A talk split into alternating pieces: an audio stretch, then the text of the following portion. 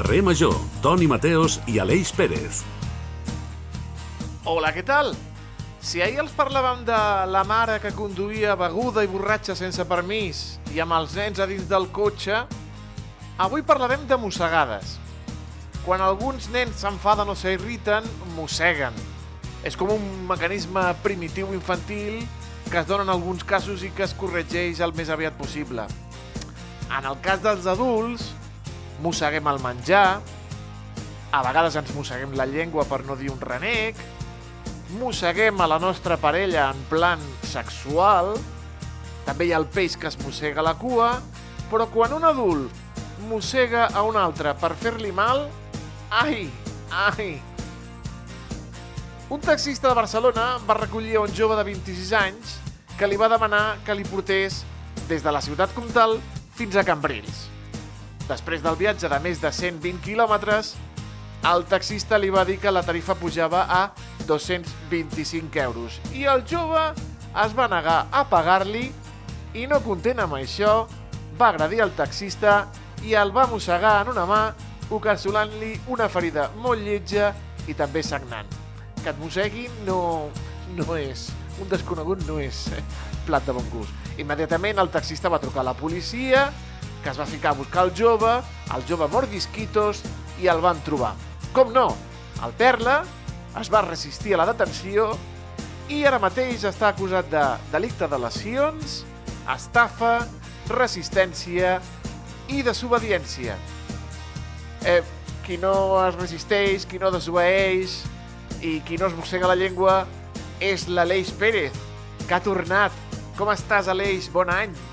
Molt bon any, Toni Mateos. Estic molt content de tornar aquí. I sí, la veritat és que faig tot això i a vegades la, la llengua tampoc intento no mossegar-me-la massa. Escolta, què dius això de la, prim, de la introducció del dia d'ahir? Què vas fer quan no estava jo? Ui, ui, ui, ui, ui, ui. Vaig perdre, sempre perdo el mateix. El dia que faltes al col·le, aquell dia ve Messi a classe.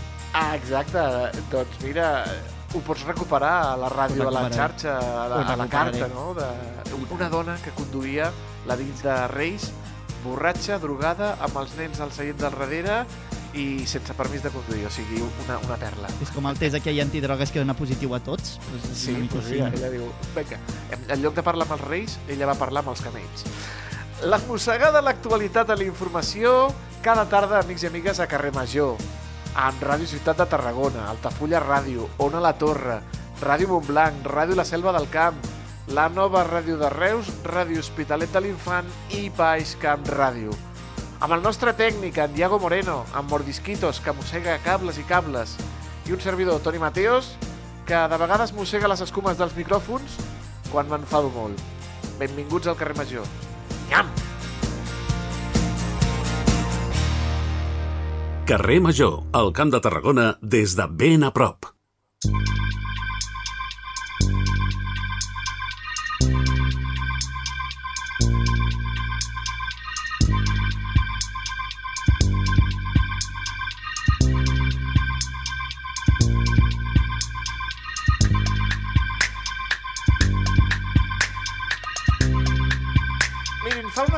Setmanes estava fent una de les coses que més agrada fer als reusencs, que és eh, passejar per les botigues del centre.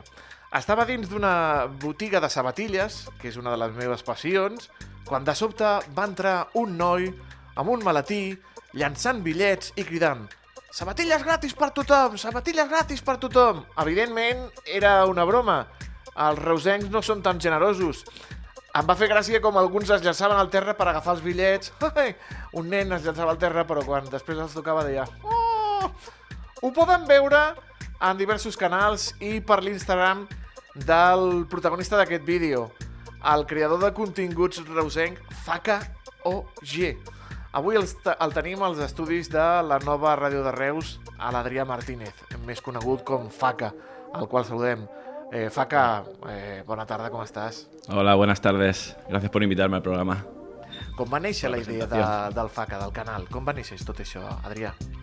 Pues yo llevo muchos, muchos años ya creando contenido en internet, eh, haciendo, siempre probando, probando, diferentes formatos, vídeos de bromas, siempre desde un poco de, desde el humor, hacía como sketches antes, pero hace cosa de unos cuatro o cinco meses eh, también empecé a hacer, digo, voy a hacer cámaras ocultas, digo, por Reus también, porque hacer las bromas por aquí por Reus tiene que estar guay. Y empecé un poco así y me empezó a ver un poco más de gente y hasta ahora. Mira que he hecho como 3, 4 bromas por Reus, pero no sé, parece que a la gente le gusta esto de, sobre todo lo del dinero, es que a la, a la gente le gusta mucho la broma del dinero, del maletín y eso. Eso cau- causó un poco de sensaciones. Home, jo quan et vaig veure entrar allà a la botiga de sabatilles llançant bitllets, sabatilles para todos, venga, que regalo yo, dic, mmm, tate, aquí hi ha algú. O este está borracho o está, haciendo, o está grabando algo, ¿no? Al teu perfil, l'Adrià, dius que no et fem cas, que sempre estàs de broma. Sempre, sempre, Sí. sempre? Sí, hombre, bueno, siempre al 100% no, ¿no? Pero intento tomarme la vida un poco así, siempre a broma.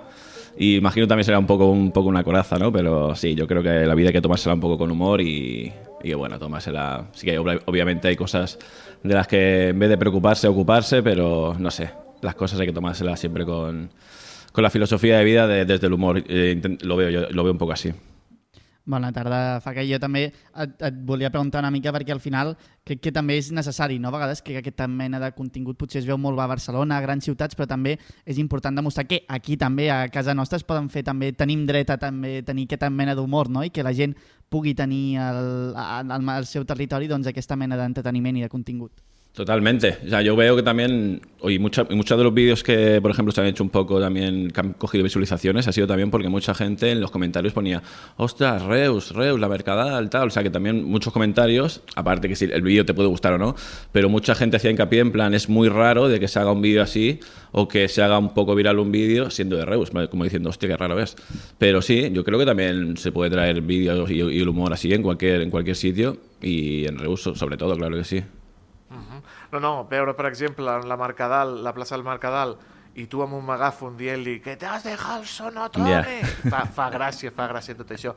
Però mm, parlem de- de- d'això, perquè eh, crear continguts que siguin interessants i alhora divertit no és tan fàcil com sembla, no, Faca? No. No, yo con eso tengo, por ejemplo, sentimientos encontrados también con el tema de, hacer contenido de cámara oculta, porque yo tengo, tengo como red flags, ¿no? Como líneas muy finas que no, que no sobrepaso. Si yo veo que puedo ofender a alguien o que puedo, no sé, una broma que puede, que puede ser vista como de, de mal gusto, ahí no lo paso. Siempre intento interactuar con gente que ya esté, gente amiga, que solo la reacción de la gente sea, o sea, que solo se vea en el vídeo de reacción y no intentar molestar a nadie. O después que cuando grabas a alguien, pues decirle, oye, que esto es una broma, tal. Pero la- claro, nunca sabes cómo puede reaccionar la gente. Y luego tener ideas para bromas, también tengo un problema de, si hago, por ejemplo, el maletín y lo veo como que me gustó mucho, ahora la siguiente tiene que ser mejor. Y tampoco tengo que, que, me- que meterme eso en la cabeza así, ¿no? Es como una presión externa. Eh, et poses pressió tu mateix, inclús? Yo creo que sí, un poco, en cierto sentido, sí.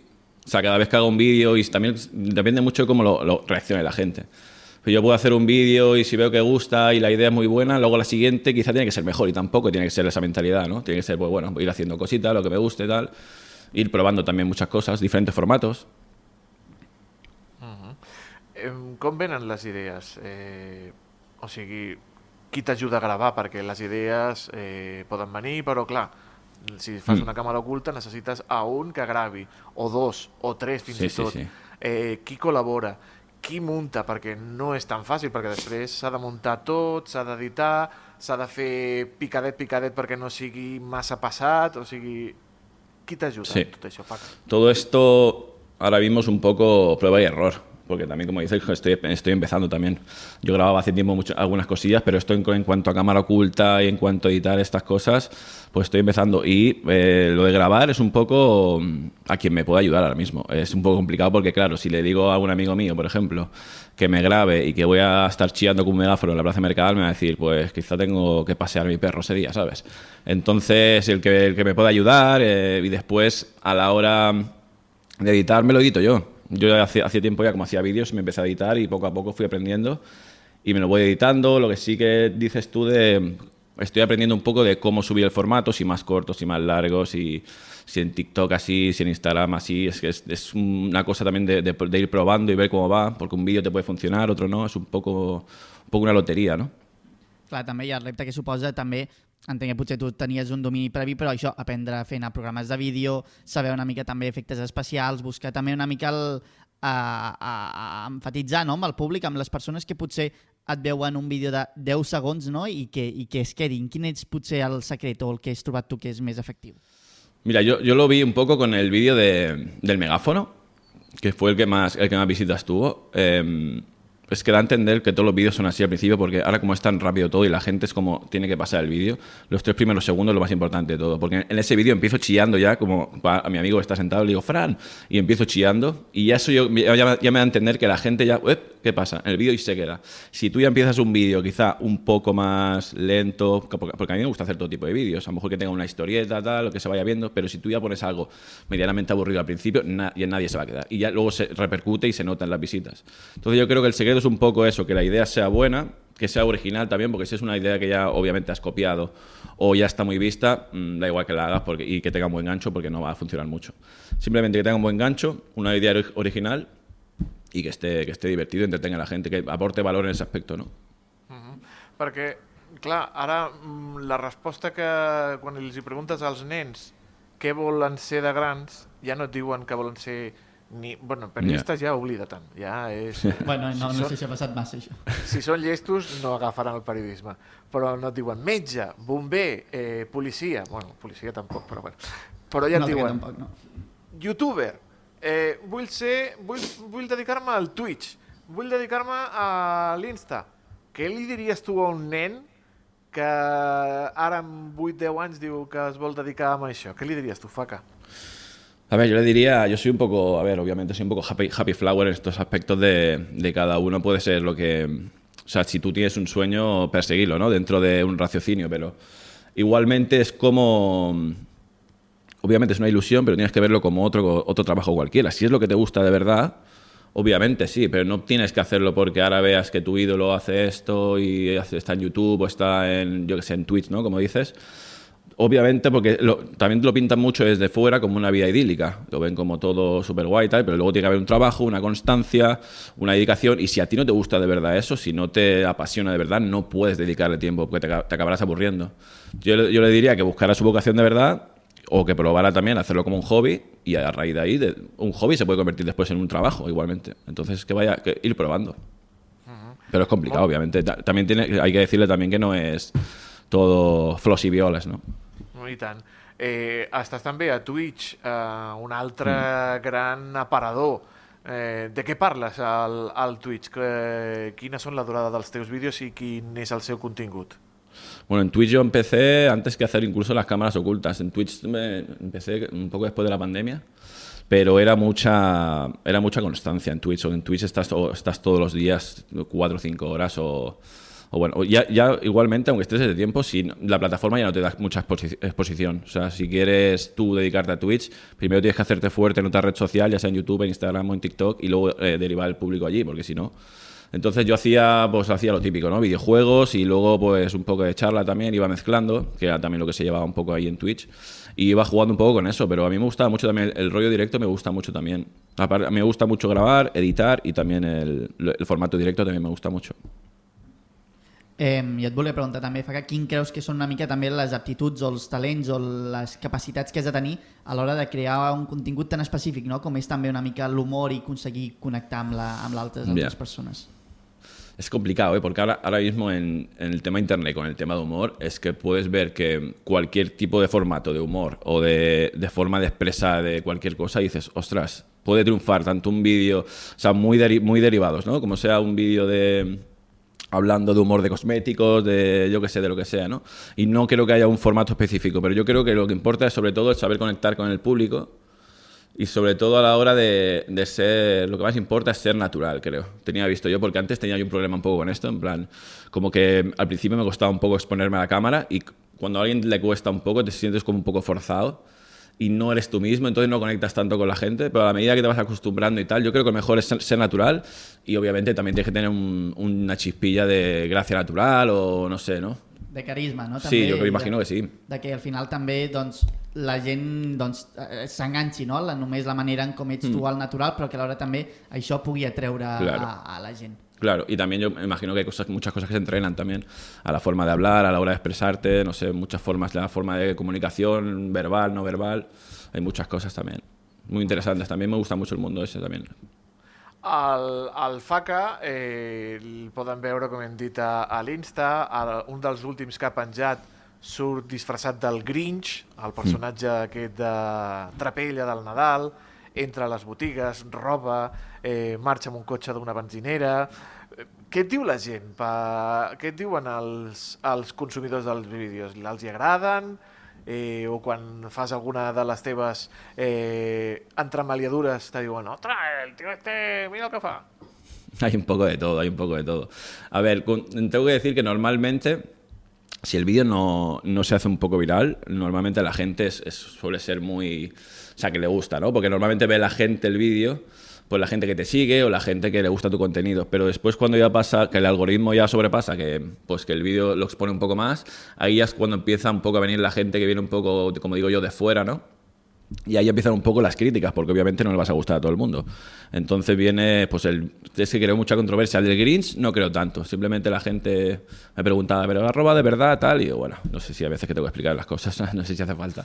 Pero muchos vídeos. perdón. Por ejemplo, el del sordo o uno que hice en un gimnasio que hacía también de ciego, pues ahí la gente sí que creó un poco de controversia, porque ya como que se metía un poco, no sé, con, con lo de la gente sorda o gente ciega y empezaba un poco la gente a... sí que un poco de crítica, pero bueno, no sé, lo acepto igualmente, no pasa nada. La, tenen, te- eh, últimament a l'humor hi ha molta... La, la gent té la pell molt fina. Sí. No entenen que tot el que es fa és, és broma, és, és broma. I a més a més, ja ho dius en el teu perfil, no em prenguin Ja. molt en sèrio, sempre estic de broma. Ya, ya, pero la gente no se va a fijar tampoco, la gente no sé, o sea, la gente solo ve el contenido y va al cuello y ya está directamente. Al, al veure llocs com la plaça del Prim, eh, la plaça del Mercadal, el carrer Monterols, eh, el carrusel que hi havia, eh, aquest Nadal... Eh, atrau a la gent de, de Reus allò de mira, eh, es passen el vídeo entre ells, eh, mira, fes-li un cop d'ull amb aquest perquè fa, és un paio de, de Reus fent humor des de Reus. Sí, sí, sí, totalmente. O sea, juego muchísimo con eso. O sea, lo probé cuando... O sea, tampoco lo hice aposta el primer vídeo que hice, que fue el del, el del, del megáfono de la Mercadal. Pero claro, se, ve- se veía muy... Se veía mucho la Mercadal y era como muy... La gente se dio, mucho, mu- se dio cuenta, ¿no? Entonces mucha gente lo puso en los comentarios y a raíz de ahí, pues cada vídeo que hacía intentaba como que se distinguiera alguna parte del fondo. Entonces ya al final me obsesiono y pongo como, vale, voy a grabar aquí, pero que se vea, yo qué sé, el General Primo, que se vea el Viena, ¿sabes? Yo qué sé, cualquier cosa. Entonces, sí, la gente, la gente que lo ve y es de Reus siempre comenta, a lo mejor el vídeo le- les da igual, ¿sabes? Y dice, mira, pues Reus, tal, no sé qué, yo vivo aquí, muchos de los comentarios. Sí que la gente le llama eso mucho. Es como que se sienten identificados, ¿no? Vivo a tres calles, pues vale, está, pues está ahí la cosa. I també jo et volia preguntar una mica, no sé si tens alguna regularitat a l'hora que intentes penjar vídeos o crear contingut o si, si potser és una mica un, una rutina, no? O sentir que has de penjar X quantitat de contingut al- d'això o també et mous més per les idees que tens i dius, ostres, aquesta idea és molt bona i la tiro o si no en tens una de clara potser no la fas. Me muevo, me muevo mucho por las por las ideas, pero también me como que me, me, me, me- rayo un poco la cabeza de digo, ostras, que a lo mejor, porque al grabar cá- cámaras ocultas no es tan sencillo como cojo mi móvil en casa y me grabo algo y que también hago a veces ese tipo de formato, pero como me gusta mucho las cámaras ocultas y tal, es como lo- los vídeos importantes son los, de las cámaras ocultas y lo demás como son vídeos secundarios.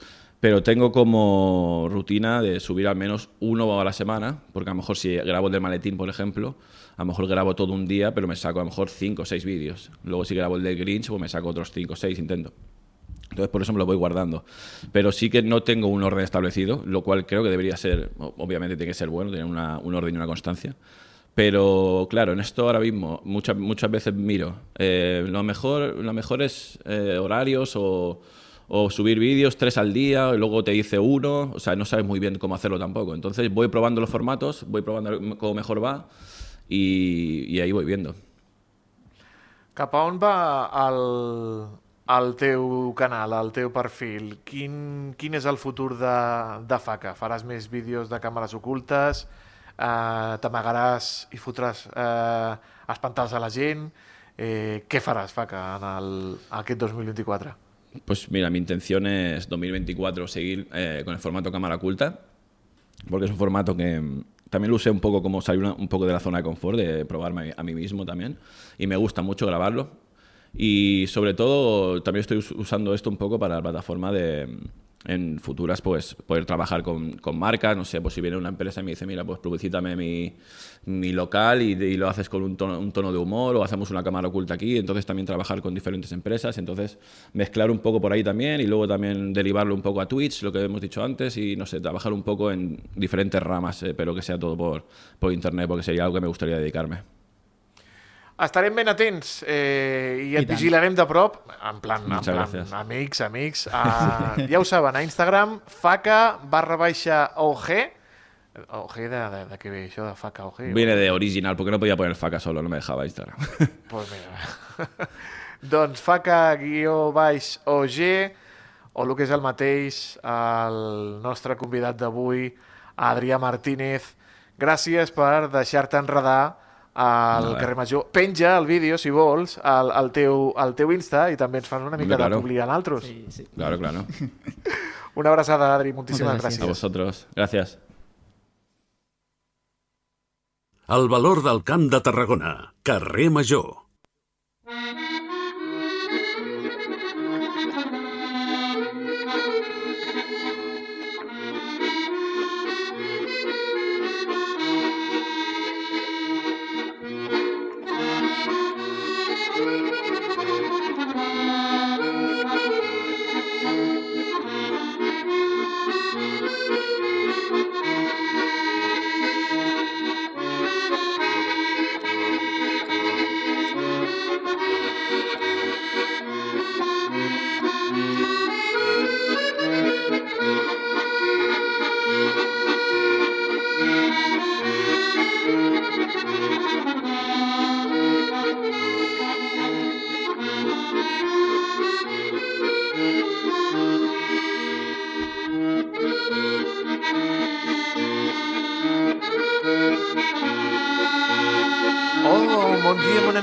M'agafen ganes d'agafar una baguette o de comprar-me un croissant.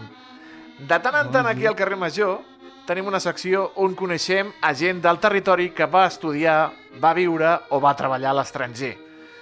Volem conèixer què van sentir, quines experiències van viure, què van trobar a faltar quan estaven lluny de casa. I avui tenim a un cambrilenc que va estudiar Medicina a França. Tenim a l'altre costat del fil telefònic el Víctor Fernández, al qual saludem. Víctor, molt bona tarda. Bona tarda. Víctor, què dimonis fa un cambrilenc estudiant Medicina a França? Pues no, no tinc idea, de veritat. Molta, moltes vegades m'he preguntat el mateix, però bueno. Jo, pues allí, allí vaig arribar. Quant de temps hi va ser-hi? Doncs un curs, un curs natural, des del, des del setembre fins al, fins al mes de juny. I quin curs de medicina era aquest? Doncs era quart, quart de medicina. Quart de medicina. Per què França, Víctor? Per què vas escollir el país veí? Mm, doncs de les opcions que tenia, tenia entre França i, i Itàlia. I, i mirant, mirant idiomes i mirant també els hospitals que, o les, les opcions que tenia, França era com més atractiu, perquè també sí que hi ha també com una mica de, de llegenda aquesta urbana de que Itàlia, l'Erasmus, és bastant, a nivell acadèmic, el perds una mica, i en canvi França em van dir, hòstia, França hi ha, hi ha bon nivell i, i si vols aprendre, hi aprendràs bastant. I doncs vinga, cap allà. Bona tarda, Víctor. Crec que també França, oh. més, és un, és un eh, almenys l'imaginari col·lectiu no, de, de la gent de la nostra edat, també a vegades tenim una mica d'animadversió cap, a, cap a França, també hi ha bastants prejudicis, una mica en la llengua, inclús amb el caràcter de, de la gent. Quines van ser les teves sensacions allà al principi i si van anar evolucionant també una mica amb el pas dels mesos? Doncs sí que que hi havia, sempre hi ha com aquest, aquesta broma no? contra els francesos de que són els nostres enemics naturals, la veritat és que jo vaig estar també una mica al, al nord de França, que era just tocant Alemanya, que també són... És, just, és la zona de l'Alsàcia que també tenen com aquest sentiment una mica de, de... Nosaltres som francesos, però abans som alsacians, no? Llavors, tampoc és que fossin molt, molt francesos, francesos com a tal. I llavors érem sempre, doncs, ah, mira, un, un que ve de, de Catalunya, un que ve de Barcelona, que ve de Cambrils, ah, que guai, no sé què. O sigui, a mi, per sort, potser si hagués anat més al sud de França o alguna així, hagués tingut més, més, més problemes en aquest sentit, però la veritat és que van ser super, super bé, super bona gent. França és el país més bonic del món, eh, menys per una cosa que són els francesos. Això, això és una frase que, que tinc jo. Però bueno, eh, França té un sistema sanitari semblant o diferent al, al català, Víctor? Doncs hi ha una cosa allí que, que sí que m'ha cridat molt l'atenció i és que, al igual que aquí ha, tot el que és el, a Espanya tenim el que és la, la tarifa plana, no? que tu pagues amb els teus impostos i tinguis un refredat o t'estiguis un mes ingressat a la UCI, doncs tu no pagues més. Allí a França m'ha sorprendre que no. Allí pagues per lo que, per lo que et passa. Llavors, sí que hi ha uns nivells que sí que estan, diguéssim, coberts, però la gran majoria de la gent té, té un seguro i en les feines se va associat amb un seguro perquè si no, no, no ho cobreixen. De fet, em va sorprendre molt que vaig estar estudiant part de, de, això d'obstetrícia no? I, de, i dels embarassos i a partir, crec que era del, del, del sisè mes de l'embaràs, t'ho havies de pagar tot tu. Llavors, si tu volies tenir un embaràs, diguéssim, fer els controls i, i fer les ecografies normals i les vacunes i, i després tenir un part assistit a l'hospital, havies de tenir un bon seguro o pagar-te tu perquè si no, no, no t'ho cobria. I dius, ostres, que dius, això que et pensen, no? que a vegades, no, si Europa està tota la sanitat igual, dius, doncs potser a Espanya estem, estem millor, o Catalunya estem millor del que, del que estem a, a, a, als nostres veïns de, de França. Uh -huh. Veig que ells van com amb assegurança privada, i nosaltres tenim la seguretat social i tot això, però eh, l'ensenyament, perquè també vas estar fent les pràctiques de medicina i el quart I en francès, curs. clar. I en francès, exacte. Com és l'ensenyament a, a França? És envejable? Quina és la seva qualitat si la comparem amb el nivell de l'ensenyament eh, aquí a Catalunya? Doncs a nivell de, de qualitat hi ha moltes coses que, que sí que són molt envejables. Sobretot, no sé molt bé la resta de, la resta de carreres, però la meva llei medicina ho tenen muntat com per, per, per col·legis a nivell estatal. Llavors, totes les universitats totes segueixen un mateix temari o un mateix, un mateix llibre que ha fet doncs, la, societat, la Societat Francesa de Cardiologia, no? la Societat Francesa de, de Dermatologia. Llavors, et dona com la satisfacció aquesta de dir, hòstia, tinc un llibre que ha fet, doncs, diguéssim, el ministre o el Ministeri de França de Sanitat, que sé que està bé i que si segueixo això i que ho han fet doncs, metges Aquí la veritat és que és una, Espanya és una mica, pues, cada maestrillo tiene su librillo, ¿no? I pues, si tens la universitat i tens alguna sort que tens professors bons, doncs, doncs els pots seguir. Si tens professors que doncs, a vegades no, no són tan bons, t'has de buscar més una mica les castanyes. Llavors això sí que és una cosa que jo personalment sí que vaig dir, ostres, que guai que allí ho tinguin com molt més estandarditzat tot, com que està, estiguis on estiguis tindràs una bona formació, que aquí sí que trobo una mica més en falta. També pot ser perquè jo vaig estar allí a la Universitat d'Estrasburg, que és una universitat potent, que aquí, doncs, no sé, si potser si em vaig a Barcelona o a València o a, o a Madrid potser també ja és, és semblant. Però després, tema de, de temari, tema de professors, la veritat és que tots, tots els professors bons, els professors dolents, els que t'expliquen amb ganes, els que no, els que llegeixen el Power i els que, i els que, els que t'expliquen bé. Llavors, en, el, sí. en la resta tot igual. I, Víctor, jo et volia preguntar també una mica, aprofundir a Estrasburg com a, com a ciutat i també una mica quin era el teu dia a dia, com funcionava. També va variar molt la teva manera de, de, de viure aquí a, a Cambrils que a, que a Estrasburg? Home, doncs, lo tot, o sigui, el més important, el que em va xocar més és el, el transport. O sigui, allí suposo que també és perquè és capital europea verda i perquè, o sigui, tot i que ser una ciutat molt important és relativament petita, Eh, el transport públic, o sigui, el tramvia, és increïble. O sigui, teníem, em recollia a la porta de casa el tramvia i arribava a, on volgués, superràpid, tothom utilitzava tramvia o tothom utilitzava bicicleta, cotxes no en veies quasi res. I és una cosa que dius, si volies o no, l'estrès de, no, de, de no ser atropellat per pel, pel carrer o de, de dir, mira, cada 5 minuts tinc un tren, un tramvia aquí que em portarà a tots els puestos, això sí que va ser un, una cosa que aquí a Cambrils, per exemple, una de les coses que trobo faltar més és aquest transport públic, que si, que si et passes el bus ja t'has d'esperar tot el dia fins la nit a buscar-ne un altre. No, home, no. I... Si aquí funciona tot de meravella. El trencam ens salvarà tot. Hem tingut aquí, sí, hem tingut la Noemi Llaurador fa una estona. El tramvia sí, sí. ens salvarà tots, no pateixis. El, això sí que, que va ser un, un, un fort de llei ostres, que guai. I de Cambrils que trobaves a faltar? Les galeres, l'arròs amb galeres, Paella, la cuina a la mama, Paella. què era el que trobaves a faltar de casa? l'olor, l'olor a mar també, el, el, el clima, la veritat. O sigui, també va haver-hi un, uns mesos des de novembre fins al febrer, que és que el, o sigui, es, es feia de dia a les 9 del matí i era un dia així gris com de boira i a les 4 de la tarda ja era de nit. I potser vam, el, el de veure el sol, això que dius, ah, és que no surt el sol, que vam veure potser un cop cada 15 dies, tenies un dia això de veure el cel blau, saps? I aquí la veritat que és una cosa que, que es nota que a Cambrils amb el vent que fa també, el dia que no veus el cel blau és, és estrany. O sigui, sí que, sí que ho he trobat a falta. Tornaries a, a treballar allà a, a, a França o estàs, eh, ja et dediques a, a la medicina aquí a, a Catalunya? Doncs no, no ho he pensat. Sí que és veritat que si tingués l'oportunitat de tornar a marxar fora, potser provaria un altre lloc abans que, abans que tornar a França per, més que és per, per provar. Si me dius ja per establir-me, doncs la veritat és que si, si he d'elegir prefereixo aquí abans que, abans que França. Sobretot pel, també allí la, la, la política de treball, no? Aquestes, com la gent, clar, que a dia de fora sempre és de nit o, o a l'hivern no hi ha res a fer, fan jornades laborals molt llargues, que després també com que la gent té una mica la filosofia de treballar i, i poc viure, que aquí és tot el contrari. Llavors preferiria viure aquí. Però si és, i si és més probable un altre lloc, doncs endavant.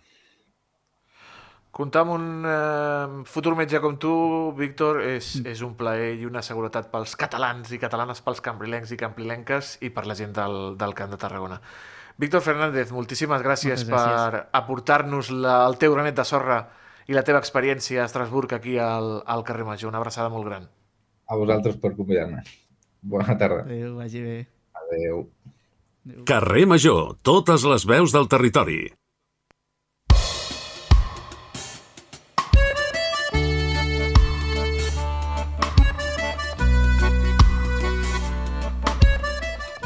Cinc minutets que passen de dos quarts de sis de la tarda.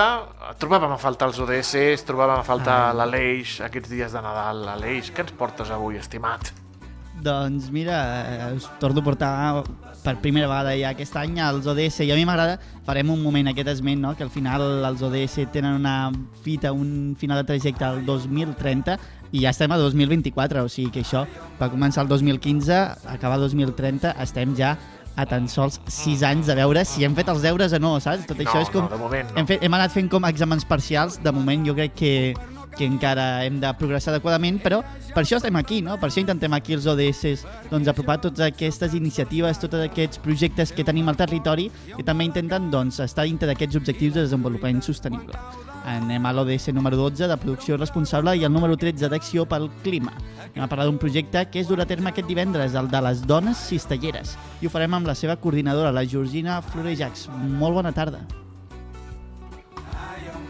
Ep, Crec que estàs mutejada o no t'hem acabat de sentir. Bona tarda, Georgina. Hola, bona tarda. Què tal? Ara. Ah, perfecte, ja tenen bona aquestes tarda. coses de la tecnologia que a vegades, sort que també a vegades tenim càmera i podem saber més o menys el que passa. Molt bona tarda, Georgina. Com va sorgir aquesta iniciativa de les dones cistelleres? Doncs va sortir ja fa un parell d'anys. Arrel de nosaltres aquí al Baix Gaià tenim un projecte que es diu Dones Pageses, amb el qual hem, vam activar això, uns horts d'autoconsum i de comunitaris, doncs això, per eh, que dones de diferents edats, orígens i així treballéssim la terra d'una manera això, respectuosa amb el medi i amb les persones. Després d'aquest projecte vam voler anar una mica més enllà. Hi ha una companya que és cistellera i, i coneixia el tema aquest de la cistelleria, però del margalló, que en tenim molt per aquí al territori. I llavors això, vam, vam presentar aquest projecte a la Fundació La Caixa, amb uns ajuts que donen ens els van concedir i des del mes de maig que hem, enjaçat, hem començat aquest projecte de dones cistelleres al Baix Caillà. I a més també sorgeix una mica no, en aquest, aquesta iniciativa, no, en aquesta comunitat que també és tan important dintre dels ODS que crec que permet doncs, aquesta formació de mira, ostres, doncs jo sé fer això i acaba convertint-se no, d'un comentari potser a una realitat. Sí, perquè no? És un ofici que antic que durant un temps es va perdre i s'està recuperant, no? I és aquest saber això de la gent gran i així, amb el que es feien els materials per tenir casa, no? que duran tota la vida i que a sobre doncs, els deixes i després ja es, es descomposen, vull dir que són naturals, i doncs, poder-los fer tu mateixa amb això, amb coses que tenim aquí al voltant i a sobre poder-ho fer en companyia, no? en comunitat, doncs és, sí, compleixen molt els objectius dels ODS. Exacte. Eh, tots aquests, tots aquests doncs, comentaris de quilòmetre zero també, al final ja no estan també el material de quilòmetre zero i la transmissió oral i la comunitat, sinó que també representa uns valors, no? Una, un, un saber fer, una manera de, de treballar el, els materials del territori que, que ens venen de molt temps enrere. Exacte, doncs és, és una tècnica que es fa des de sempre s'ha fet d'aquesta manera, no? i és una bona tècnica. I a part, per exemple, vam anar ara fa un temps a fer un taller en una escola no? i comentàvem quan creieu que triguem per fer un cabàs? I doncs els nens van començar a dir hores, i dius, bueno, doncs són moltes més, no? I doncs també valores doncs, els objectes que tens, perquè ara pots comprar moltes vegades coses per molt pocs diners i doncs, per tant, fàcilment les pots mm, deixar de banda, no? I en canvi, si és una cosa que has fet tu o que saps que ha fet algú i que ha estat moltíssimes hores i, no, i ha posat això, tot aquest saber, doncs també valorem les coses d'una altra manera. Perquè els oients que ens estiguin escoltant i potser ben bé no ho sàpiguen, quin és el procés des de zero, des de això d'anar al curset fins a tenir un cistell a la mà?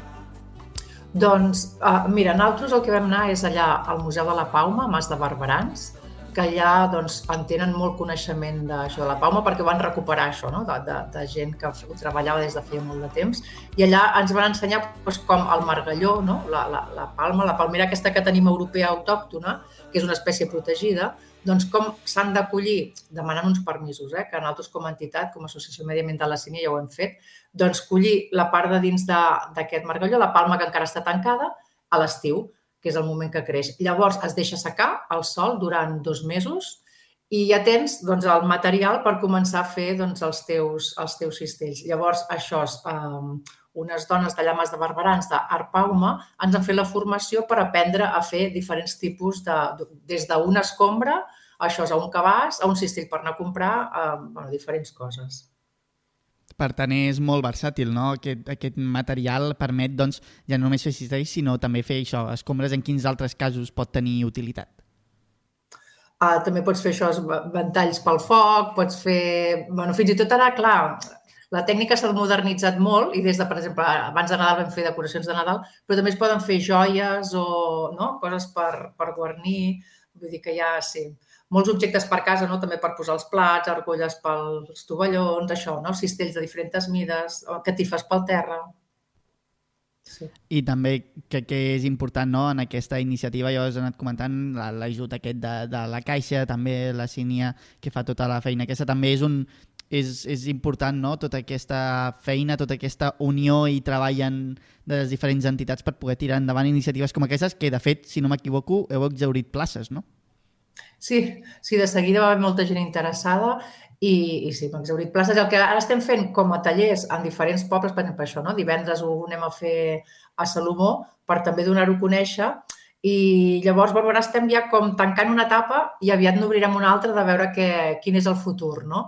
D'això, de, si fent, de fent tallers, fer grups que siguin més oberts i que si algú vol aprendre, doncs nosaltres a poc a poc anar-li ensenyant. bueno, estem, estem en aquesta fase ara. Per tant, si haguéssim de dir una mica això, aquests objectius a, a llarg termini, passarà per, per també expandir a diferents municipis, en a donar a conèixer potser a la gent que li pugui interessar de, de tot el Baix Gaià. Sí, ara, ara estem això fent tallers amb diferents edats i grups i així per donar-ho a conèixer i després potser el que farem és això, anar-nos trobant cada cert temps i que pugui venir doncs, qui li pugui interessar per aprendre, per aprendre aquesta tècnica fins al moment, quan, quanta gent éreu en, en, en aquest curs? Clar, la formació continuada, que era cada setmana, no? De sí. fer-ho, hem estat 12, 12 dones. Clar, i només si fas la multiplicació no, de 12 persones que saben fer els cistells per 12 persones més cadascuna que, pot, que poden ensenyar, per exemple, el nombre de gent que, que recupera no, una tradició tan arrelada al territori es, es, es multiplica de manera gairebé exponencial.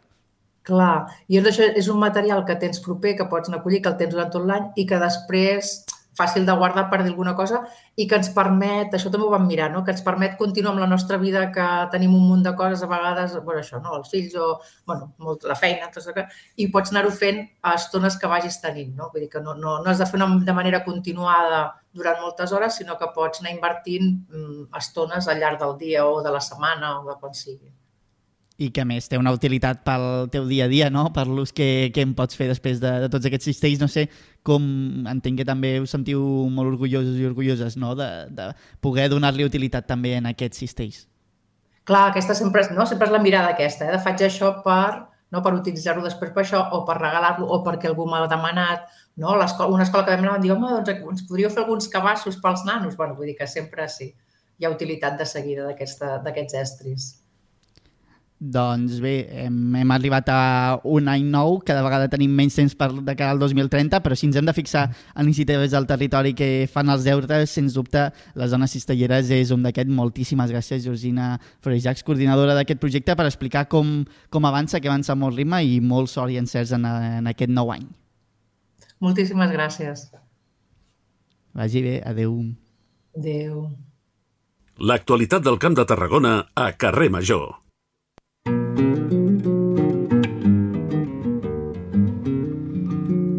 Com cada dia arriba la banda sonora i arriba de la mà del David Fernández des de la nova ràdio de Reus. Eh, avui amb una reusenca. David, bona tarda. Hola Toni, hola Aleix. Ahir començàvem l'any amb una novetat que sortia ahir mateix i avui continuem amb una altra peça del Camp de Tarragona que també ha vist a la llum aquest dimarts dia 9. Fem parada a Reus, també, per escoltar la Lau Noa, o el que és el mateix, la Laura Noa, la Laura Cailà, aquesta reusenca que quan tenia 19 anys se'n va anar cap a Nova York a buscar-se la vida i allà va desenvolupar la seva trajectòria com a cantant. Una cantautora força influenciada per la música mediterrània i que ja n'hem parlat algunes vegades aquí al programa, sobretot aquest darrer any, perquè justament aquest divendres publicarà el seu segon disc, que es diu A2, en la qual doncs, cada cançó col·labora fent duets amb diversos músics als quals doncs, li han influenciat per alguna cosa o altra. Però és que la Laura no s'hi ha posat pas per poc. Vull dir, entre aquestes col·laboracions hi ha gent com en Jacob Collier, com en Jorge Drexler, com la Sílvia Pérez Cruz o com el Salvador Sobral en aquesta cançó que avui escoltem i que, com diem, s'estrena avui i ja podeu trobar a totes les plataformes. Una cantautora que aquest any va estar presentant la seva música arreu d'Europa i que ja ens explica que el proper, mm, la propera primavera-estiu la tindrem fent una gira per aquí, per Catalunya i per l'estat espanyol i a veure si es deix veure a Reus, a la seva ciutat. Avui, doncs, la música de la Laura Noa i, per cert, crec que d'aquí uns dies la tindrem aquí al programa al carrer Major per parlar de la seva experiència i de totes aquestes col·laboracions que hi hauran en el seu segon disc. Mentre esperem aquesta entrevista, podeu escoltar la seva música, busqueu La Unoa i deixeu-vos emportar per la seva proposta. Què me dius? Que tindrem a la Lau Noa? Exclusiva! Exclusiva, eh? Hauríem de posar un, un comptador d'aquests, un números vermells. Molt aviat, molt aviat la, la Lau Noa. Estiguin atents a la seva ràdio local. I estiguin atents perquè anem amb la furgoneta, com cada dia. Com fa? És que jo Molt bé, me Aleix. l'imagino, però rapidíssima, o sigui, a Molt bé, 200 Aleix. km per hora. que no Estàs fer, millorant molt, molt, Gràcies, molt, molt gràcies, en la teva imitació de furgoneta. La veritable furgoneta és la de la Cristina Artacho, que avui s'ha anat a Valls. I la saludem. Cristina Artacho, bona, Bona tarda. tarda. Des de la Fulgo, avui sóc a Valls, de fet a una de les places més emblemàtiques de Valls, la plaça del Blat, i m'acompanya la Tània Guasc, que és la secretària de la Societat Sant Antoni. Per què? Doncs perquè avui parlem també d'una de les- festes més importants de Valls, com són els Tres Toms, que són eh, aquest cap de setmana. Tània, molt bona tarda. No sé si ens pots explicar ben bé què són els Tres Toms. Bona tarda, moltes gràcies per l'entrevista. Ui, explicar què són els Tres Toms. A veure, els Tres Toms és una festa històrica que es data molts eh, centenars de segles d'anys enrere. La primera constància escrita a Valls és del 1879. Antigament es celebrava el dia 17 de gener. Eh, era festiu a tota Catalunya, el 17 de gener, perquè els traginers, els ramblers i tots els ofi- oficis relacionats amb els animals de peu rodó, cavalls, mules, matxos, etc., aquell dia feien festa.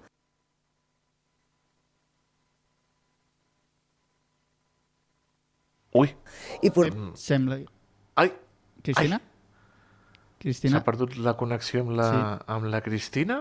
No sabem Ara què li sí, passa. sí, mirem si la Estaven a beneir els seus eh, animals. Ep. Els trastorns van començar amb una espècie de curses, de carreres, al voltant de la iglesia on se feia la benedicció, aquí en aquest cas a Valls és l'església Sant Antoni de Valls, i després de manera pausada van anar passant amb unes cercaviles més ordenades on hi participaven cavalls muntats, amb la bandera, amb el panó, i participaven diferents casos aquí a Valls, sobretot casos d'agència de les di- diferents agències de transport que hi havia a la ciutat, que n'hi havia moltes, que tenien un pes molt important en aquesta ciutat, les agències de transport, i participaven a aquests casos d'agència. Comentaves no, que la primera constància dels tres tons de Valls és de fa segles, però com els coneixem avui en dia, si no m'equivoco, es van recuperar fa 45 anys. Enguany és la 45a edició. Sí, exacte. Aquest any està en d'aniversari. La Societat de Sant Antoni de Valls, els seus fundadors, l'any 1980, van tindre la brillant idea de recuperar aquesta festa tan mítica i tan arraigada i tan pròpia de la nostra ciutat i des de l'any 1980 doncs, que anem donant toms i esperem poder donar toms molts anys més. Uns tres tons bueno, que es fan també en altres localitats de Catalunya, però que els de Valls sempre són els primers de la temporada i, si no m'equivoco, també els que tenen més cavalleries, no? Fins a 350?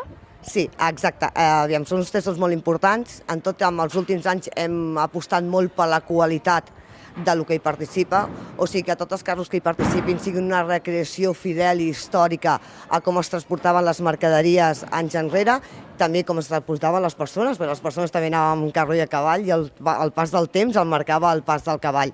Són uns testoms importants per això, perquè tenen una gran col·lecció de carros agrícoles, de carros de treballs, i després són uns testoms importants perquè obrim calendari i això et fa jugar amb avantatge perquè ets els primers i la gent té com a moltes ganes. Valls també és una ciutat que ens acull fantàsticament bé i cada any omple els carrers de la ciutat de gom a gom i després tenim un recorregut que és una meravella, que és fantàstic, que passa per dintre tot el centre històric de la ciutat, carrer Sant Antoni on es fa la benedicció, o ara on estem aquí. Això és el final dels Tres Toms. Aquí oficialment s'acaben els Tres Toms quan els carros passen pels tots l'Ajuntament. L'últim en baixar és el carro gros de Tres Giners de la Societat de Sant Antoni de Valls i és un verdader espectacle veure maniobrar aquests carros tan grans per aquest lloc i la destresa de la gent que els porta, dels seus traginers, eh, que ho han de fer molt bé per afilar ben prim per aquest carrer que és ben estret. Sí, de fet, no? ara som aquí a la plaça del Blat en un dia absolutament normal, passen gent, passen cotxes, però de cara a dissabte o de cara a diumenge, com es transforma aquesta plaça i com es transforma tot el recorregut? Aquesta plaça és un bullici, ja ho és un bullici sempre, però aquesta plaça dissabte ja comença a ser un bullici, perquè dissabte comencem els actes oficials dels Tres Toms amb la cercavila de la Vigília, la cercavila de la Bandera, sortim de la plaça del Carme, que és un lloc també molt cèntric dels Tres Toms de Valls anys enrere, abans de la represa, i ens dirigim fins aquí, que és on hi ha l'Ajuntament de Valls, per oferir un, un concert amb la cobla momentània a les autoritats perquè demanar-los permís perquè l'endemà es deixin recórrer als carrers de la ciutat per celebrar els Tres Toms. Això és una tradició que ve del 1889 i que la societat va recuperar el 1982 i des del, mil, des del 2022 perdó, se li ha tornat a donar el sentit originari, que és la bandera, amb el cos de bandera, la bandera amb els dos portonistes, la cobla, per vindre fins aquí per oferir aquest concert. El tema del concert no es feia, no s'havia recuperat i el 2022 vam decidir doncs, que era un, un ritual molt maco i una costum molt xula de tot el que es fa a Valls envoltant de els Tres Toms i Sant Antoni que s'havia de, de recuperar i el diumenge aquesta plaça està a bullir. La gent va a la Font de la Manxa, que és un altre punt neuràlgic, perquè ai, per allí passen tres vegades i llavors els pots veure passar molt bé i tal, però el segon tom ens abandonen i tothom fa cap aquí, a aquesta plaça, la gent, hi ha, hi ha gent que jo crec que veu els tres toms només aquí perquè ha vingut a agafar lloc a primera hora per veure bé aquest, el pas dels carros per aquest indret. El recorregut està centrat al centre històric de Valls i parlem de que són carros molt grans, que l'únic és veure'ls maniobrar, però en carrers molt estrets. Això com es gestiona? Sí, tenim un recorregut complicat, eh? la veritat és que sí, tenim un recorregut complicat, però bueno, també tenim un recorregut que fa molts anys que, fea, que fem, que fa 45 anys que fem el mateix recorregut, que hem intentat modificar-lo el mínim possible i és un recorregut molt semblant al que es havia fet anys enrere, no ben bé igual perquè abans de la represa aquests toms de l'Ajuntament es feien de pujada i avui això és, és inviable, però sí que és un recorregut complicat, no passa, bueno, gestionar-ho de la manera que podem moltes vegades, amb el gran servei d'ordre que tenim des de l'Ajuntament, els mitjans que es posen, Protecció Civil, Creu Roja, tots els voluntaris de la Societat de Sant Antoni de Valls, que tenim més de 8 voluntaris, que aquell dia vetllen perquè tot funcioni correctament i tot sigui un engranatge que va funcionant, no? perquè al final l'organització d'uns tres toms Uh, és molt complexa, uh, té moltes hores de feina, té moltes hores de dedicació, és una organització que comença tres mesos abans perquè hi ha moltes coses uh, a lligar, hi ha moltes coses a encaixar. Tenim un, uns participants molt especials, que són els èquits, els cavalls, que llavors van per una normativa diferent a la que pot anar qualsevol festa de cultura popular i tradicional, no? i bueno, és, encaixar tot això a vegades és, és complicat, però bueno, ho, ho aconseguim cada any. Eh? I per tancar, no, aquesta tradició arraigada a Valls, aquests tres toms, que són fidels de com es feien antigament, però em sembla que enguany heu recuperat alguna cosa nova, hi haurà una novetat. Sí, tenim una novetat que és la recuperació de la rifa del porquet de Sant Antoni. A Valls aquesta rifa data del 1880 i pico, ara no me'n recordo exacte l'any, qui es feia? Es feia la iglesia de Sant Antoni, rifava un porquet i el que replegava era per mantenir la iglesia, no? I el porquet es rifava el dia de Carnaval, el dimarts de Carnaval. I llavors, quan els tres homes es van recuperar l'any 1980, ja es va continuar fent aquesta rifa del porquet, es va continuar fent durant els tres tons, però es va perdre cap a l'any 87 o 88. I aquest any, amb la col·laboració de la UAF, la Unió d'Anelles de la Flama, hem recuperat la rifa del porquet i el dia de Sant Antoni sortirà un carro amb un porquet al, al damunt que passejarà pels tres toms. També el dissabte al matí fem una cercavila del porquet que començarem a vendre tiquets d'aquesta rifa. La veritat que des de la societat fa un parell o tres anys que treballem molt intensament en recuperar tots els costums i totes les tradicions que envolten la festivitat de Sant Antoni i la festivitat dels Tres Toms a Valls, com és el tornar a la cercavila al seu origen, la recuperació de la rifa del porquet, tornar a repartir els ofersons, que és una coca dolça típica de Valls, a la benedicció de Sant Antoni, fer la benedicció de Sant Antoni, el repic tradicional de campanes, tot el tema de la música amb la cobla momentània, que són músics que s'ajunten per tocar només el dia dels tres tons de Valls i tots són de Valls i amenitzen tota la festivitat els dos dies. O sigui que, mica en mica, hem intentat recuperar tot el que es feia anys enrere. Tenim una assignatura pendent, que és el ball de la tarda, perquè típicament a Valls es feia un ball el 17 de gener, tenim aquesta assignatura pendent que sempre diem l'any que ve, l'any que ve, però esperem l'any que ve poder-la recuperar, perquè llavors tindrem tot el cicle festiu envoltant a Sant Antoni complet. Doncs ja ho sabeu, cita imprescindible aquest cap de setmana a Valls, els tres toms, els que obren temporada aquí a Catalunya i un dels, dels més importants també. Moltíssimes gràcies a la Tània Guasc, la secretària de la Societat de Sant Antoni, que organitza aquests tres toms, i nosaltres ens veiem demà a la propera Furgó. Adeu! Gràcies, Cristina.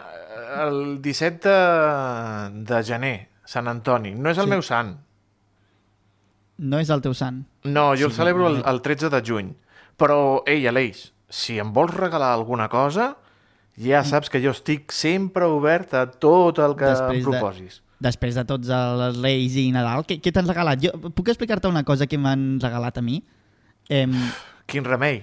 Vinga, va, és que, tens clar, jo estava segons. ja obrint els regals, tot tranquil, i de cop he vist un llibre, o sigui, com un llibre, i l'he obert i posava eh, 100 receptes fàcils, posar 100 receptes fàcils per, per quan vius independitzat.